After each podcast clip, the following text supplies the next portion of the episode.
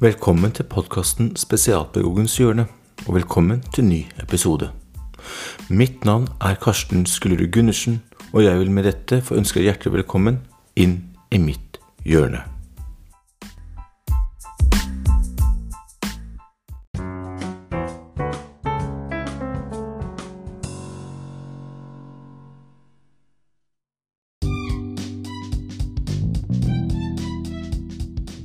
Denne bonusepisoden av Spesialpedagogens hjørne, som du nå hører, så vil du få høre lydversjonen av kronikken jeg skrev våren 2023 om skolen som den alternative læringsarena. Denne kronikken ble publisert av Dagsavisen, og jeg legger en lenke i episodebeskrivelsen. Denne episoden kommer i anledning den nye episoden av podkasten Lektor Lomsdalens innfall, som jeg gjestet på forsommeren. Du finner en lenke til denne episoden i episodebeskrivelsen. I denne episoden snakker jeg med Kristian Lomsdalen om kronikken, og utdyper mer rundt temaet. Å høre på denne episoden du nå hører, eller å lese teksten, kan gi et fint bakteppe, noen, noen gode knagger, før du hører samtalen jeg hadde med Kristian. Men først, her er denne episodens input.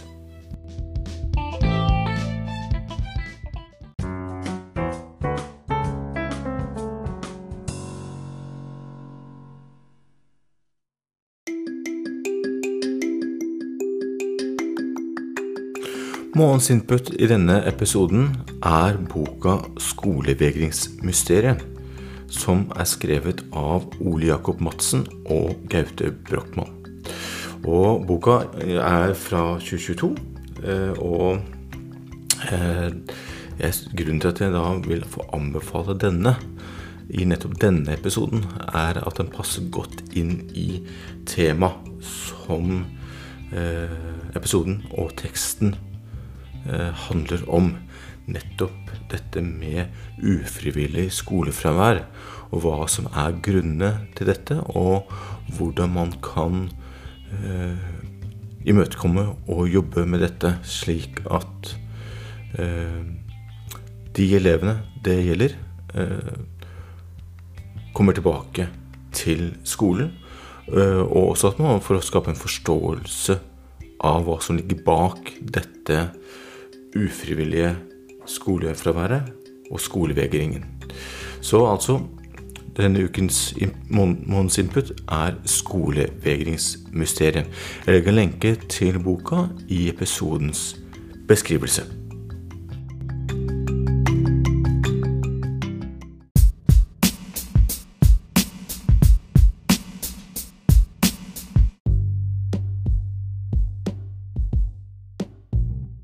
Det var denne månedens input, og med det beveger vi oss videre til episodens hovedtema, det er nemlig skolen som den alternative læringsarena.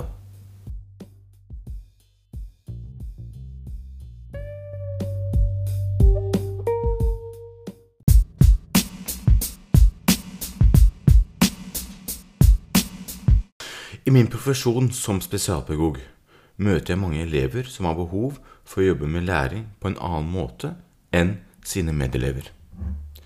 Elevene jeg her omtaler, er gjerne innen gruppen som har en eller annen form for nevroutviklingsforstyrrelse, eksempelvis autisme, ADHD etc. De har ofte behov for at skolen i større grad tilpasser seg dem, og ikke omvendt. Mange av elevene i denne gruppen har gjerne et ønske om å klare de faglige og sosiale krav som møter de på skolen og ellers i samfunnet, slik de ser sine medelever gjør, men opplever dette gjerne som utfordrende og krevende grunnet sine nevrologiske utfordringer. Denne elevgruppen har gjerne behov for at skolen benytter alternative læringsarenaer. Dette omtales for øvrig også av Kristine Damsgaard, og Maren Johanne Nordby, som er seniorrådgivere i Statped i podkasten Utforsk fra 18.4.2023, samt Kristin Ler, som er lege, og Vibeke Faye Werring, som er lærer og spesialpedagog. Og dette er også da i samme podkastserie, altså Utforsk. Men dette menes at skolen må se læring i et utvidet og bredere perspektiv, og ta utgangspunkt i hvem eleven er. Dette blir allerede gjort i klasserommet, men for å nå inn til denne elevgruppen jeg her omtaler, må de som jobber tettest på eleven, ha en inngående kjennskap og relasjon til eleven og hens forutsetninger og behov. Nå er det engang slik at skolen på mange måter representerer samfunnet i sin oppbygning, særlig med tanke på regler, rammer, samarbeid, krav, forventninger og konsekvenser.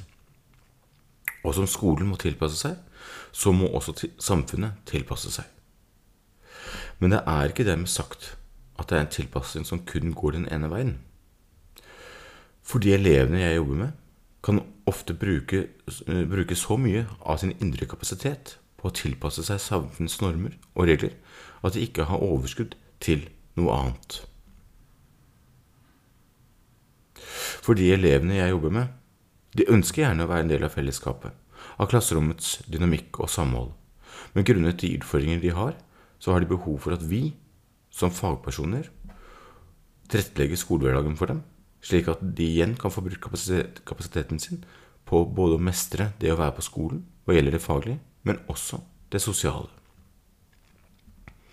En annen konsekvens for denne elevgruppen kan være at de trekker seg mer tilbake, isolerer seg selv, da dette kan oppleves som mer behagelig og tryggere. For det er eleven selv som setter rammene og kravene, eller fraværet av dette. En annen grunn til at disse elevene trekker seg tilbake, er fordi de har større behov for ladetid, altså egentid. I sin artikkel om ufrivillig skolefravær i Spesialpedagogikk nummer to fra 2023 skriver Nikolaisen og Heide om termen skolekondis. Eller de bruker denne termen i, når de da omtaler dette temaet om ufrivillig skolefravær. Og de bruker da termen skolekondis for å beskrive det overnevnte, altså ufrivillig skolefravær. Og forklarer dette med å ha en utholdenhet, motivasjon og troen på at de kan lære noe, både hva gjelder det sosiale og faglige. Det er nå slik at vi har alle våre måter å lære på. Noen liker best å høre, noen se, andre leser, andre igjen er praktikere, mens hen nærmest vinduet liker best å skrive. Hvis du nå setter podkasten på pause og ja, gir deg selv kanskje 30 sekunder, et minutt, og tenker på hvordan er det du selv liker best å lære på. Er det gjennom å lytte, gjennom se, skrive, kombinasjon av det? ikke sant? Er det gjennom å skrive på P, altså digitalt, skrive for hånd? Og eh, Carl Rogers Eh, han hadde eh, et begrep som han eh, kalte for å være en aktiv lytter, altså i da rådgivningssituasjonen. Og det er jo, hvis du da ser for deg det å sitte i en samtale med en person, og du skal være en dedikert lytter, du skal være aktiv lytter, og da også kunne eh, respondere på det som blir sagt. Ikke sant? Eh, så tenk litt på det, og tenk på hva, hvor krevende det er, og hvor lett det er å falle ut. Ikke sant? For, når du da, for det er én ting når du sitter kanskje i et mer rolig, rolige omgivelser, men hvis du da sitter på hvor det er mye annet som skjer rundt, ikke sant? det er mye annen, andres uh, sanseinntrykk, så er det, det er krevende. Uh, og det krever øving. Så igjen det her med fordi For de elevene i klasserom, da, ikke sant Så hvordan er det de lærer best? Det, det kan fint være en kombinasjon, men også har jo sine styrker å spille på. Og eh, for denne elevgruppen som jeg her omtaler, altså hvis man ser på eh, oss, da, ikke sant? Og eh, elever som da ikke har nevrologiske utfordringer, Så vi klarer jo å være i et klasserom med tosifret eh, antall andre mennesker. Med alle de sanseinntrykk og uforutsigbarheter det innebærer. Eh, hjernens innbyggerfiltre. Evne til å holde fokus og innordne seg etter felles retningslinjer. Jobber i en jevn flyt uten at det krever et for stort uttak av oppmerksomhetsbanken. Men da for elever med nevroutviklingsforstyrrelser så fortoner dette uttaket seg ofte på andre måter enn hva det gjør for hens medelever. Eh, både hva gjelder frekvens og ikke minst størrelse. I tillegg vil tiden det tar for at hen kommer i balanse igjen, ofte ta lengre tid og kreve individuelle tilpasninger. I dette ligger også det pedagogiske ansvaret og utfordringen for oss i skolen. Å få innsikt i hvordan den enkelte lærer best, både faglig og sosialt. For på den måten å kunne tilrettelegge for en balanse mellom uttak og innskudd i hens kapasitet, samt øve opp hens skolekondis. Så selv om det i en klasse på 28 elever vil være 28 ulike måter å lære på, så vil majoriteten av disse kunne tilpasse seg og oppleve mestring innenfor det sett med rammer og krav som blir gitt. Noen har nok behov for mindre justeringer. Det kan du si det gjelder jo øh, oss alle. Men det ligger også innenfor begrepet tilpasset opplæring. Som jo alle elever i norsk skole har krav på. De elevene som har behov for at skolen legger til rette for alternative læringsarenaer, det være seg å hjelpe vaktmesteren, være på biblioteket, skolekjøkken, klatrestativ, gå tur, etter byens museer eller andre kulturelle institusjoner, bygge Lego, trehytte osv. De elevene har behov for slike tilbud, for en slik skreddersøm av et skoletilbud.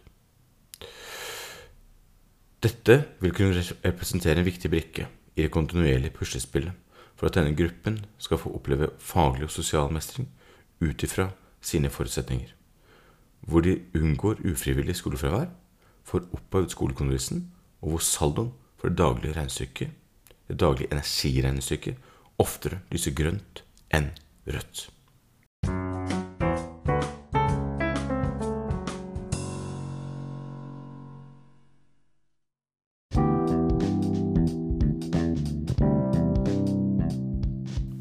Med det er vi ved veis ende av denne episoden.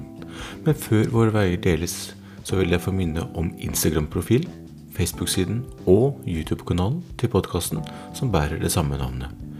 Der finner du også lenke til bloggen ved samme navn, altså Spesialpedagogens hjørne. Dersom du ønsker å ta kontakt, kan du gjøre dette via PM på Instagram eller spesblogg at gmail.com. Det var spes, blogg,